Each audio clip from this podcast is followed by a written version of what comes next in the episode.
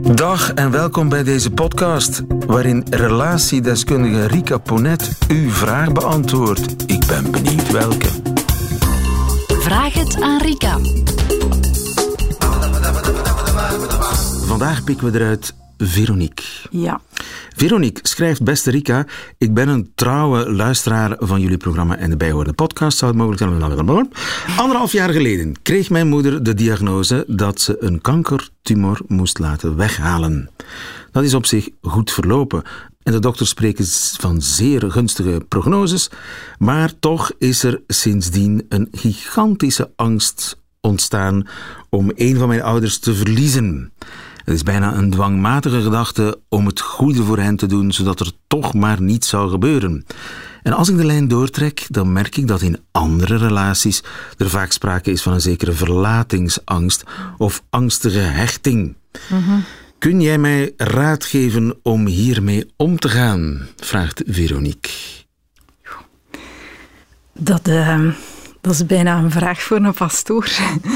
um, Je bent toch een beetje pastoor? Ja, soms heb ik wel... Tegen wil en dank? Tegen wil en dank, nee hoor. Uh, ja, waarom zeg ik dat? Omdat dat um, een vraag is die, en ik krijg dat ook wel vaker in de praktijk, hè, die lijkt alsof het een vraag is over een relatie, maar uh, veel meer gaat over diepere betekenislagen die het leven in zich draagt. Hè. We leiden een goed en zorgeloos leven. Uh, ik denk dat veel mensen die iets meemaken dat wel herkennen.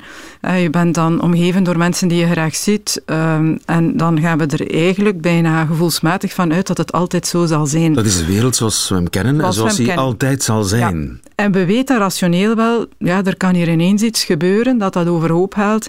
Maar zolang dat je dat eigenlijk niet meemaakt, um, ervaar je dat niet echt. Of, ja, voel je dat niet, wat dat, is. Niet, wat dat is. Um, en dat is wat Veronique nu wel heeft meegemaakt. Dat is een soort van tsunami die in uw kalme zee ineens de kop opsteekt. Dat overspoelt u en nadien gaat dat wel weer liggen.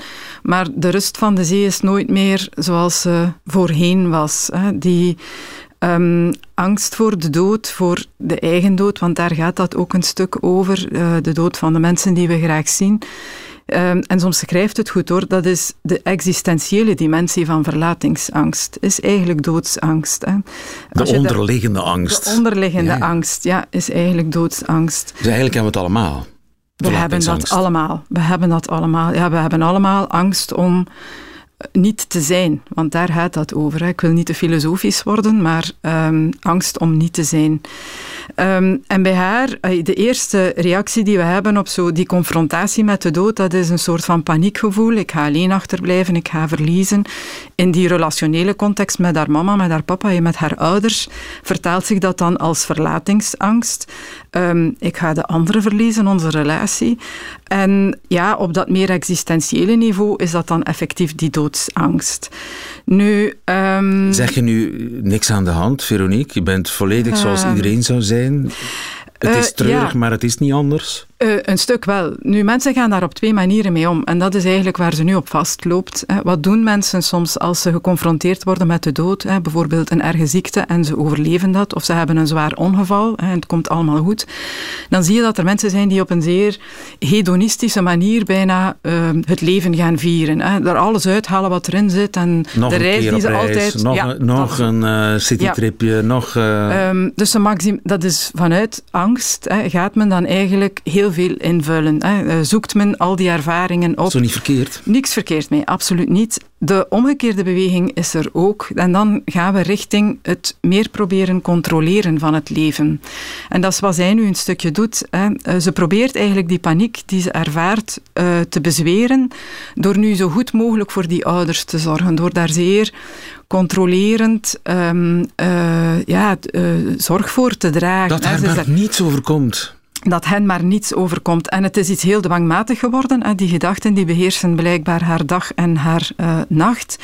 Um, waardoor dat um, ja, bijna paradoxaal een inperking van uw leven wordt. Als je alleen nog daarmee kan bezig zijn, dan ben je eigenlijk voor datgene waarvoor je schrik hebt dat het niet meer zal zijn, dan ben je, ben je dat eigenlijk aan het organiseren. Aan het organiseren ja. ja.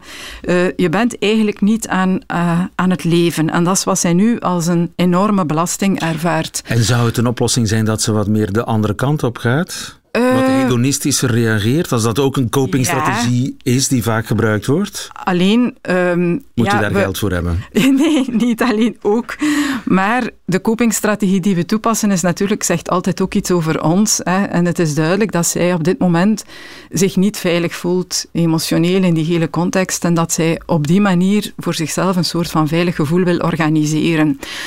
Nu, wat heel belangrijk is, denk ik, ehm, dat is dat je durft die je wordt geconfronteerd met de dood. Um, wat zij nu doet, is daar een stukje van weglopen, hè, door zo heel hard te zorgen voor die ouders.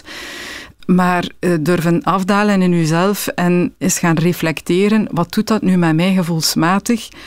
Met mijn eigen eindigheid ook bezig zijn. De eindigheid van uh, je ouders, dat is altijd ook een confrontatie van je eigen eindigheid. Dat is wat mensen zeggen als ze naar een begrafenis gaan van hun ouders, ineens zitten op de eerste rij. Natuurlijk. En is het besef de, de komt dichterbij. Ja, de volgende ben ik. Hè? Dat is het eigenlijk. En dan, uh, om daar beter mee om te gaan met die angst, wat doen mensen? Ja, uh, je ziet dat in een kerk. Mensen zoeken verbinding op. Hè. Om goed met die angst om te gaan, is het erg zinvol om uh, ervoor te zorgen dat uw bazaal gevoel van veiligheid dat dat krachtiger is. En dat kunnen we doen door ons te verbinden met anderen. En dat kunnen we heel prachtig doen. Haar ouders zijn er nog. Hè. Mij lijkt het een heel goed idee om met hen het daarover te hebben. Ik vermoed dat tot op vandaag heel dat verhaal... Getaboeliseerd. Ja, dat daar eigenlijk rond heel dat kankerverhaal, het is voorbij, we hoeven er niet meer mee...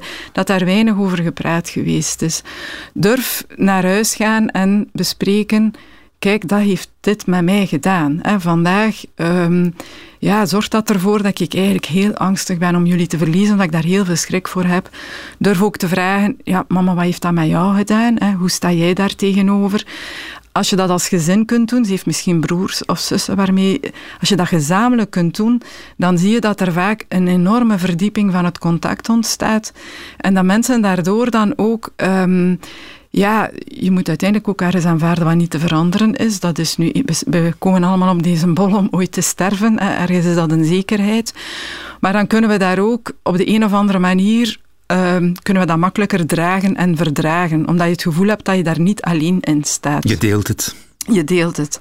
En ja, dat lijkt mij um, in, dit, uh, in dit verhaal uh, de, de, ja, de beste stap van probeer naar huis te gaan, probeer het daarover te hebben. Het zal uw contact verdiepen. En als je er dan op latere Ehm, op een later moment, want dat moment komt, effectief mee geconfronteerd wordt dat een van je ouders sterft, dan zie je dat mensen vaak een groter vertrouwen hebben in het feit dat ze daar wel mee om zullen gaan of dat ze daar wel mee om zullen kunnen gaan. Bovendien denk ik dat ze daardoor ook een groter vermogen zal hebben om nu opnieuw meer ja, het, het, uh, het leven te omarmen. Dat wordt wel eens gezegd ook, hè, dat je eigenlijk maar ten volle kunt leven in het volle besef van de eindigheid van het leven. Wijze woorden. Waarvoor dank, Rika Ponet. Veronique, ik hoop dat we jou geholpen hebben. Heeft u zelf een vraag voor Rika Ponet? Stuur ze dan naar nieuwefeiten.radio1.be. En wie weet hoort u het antwoord in een volgende podcast. Namen worden sowieso veranderd.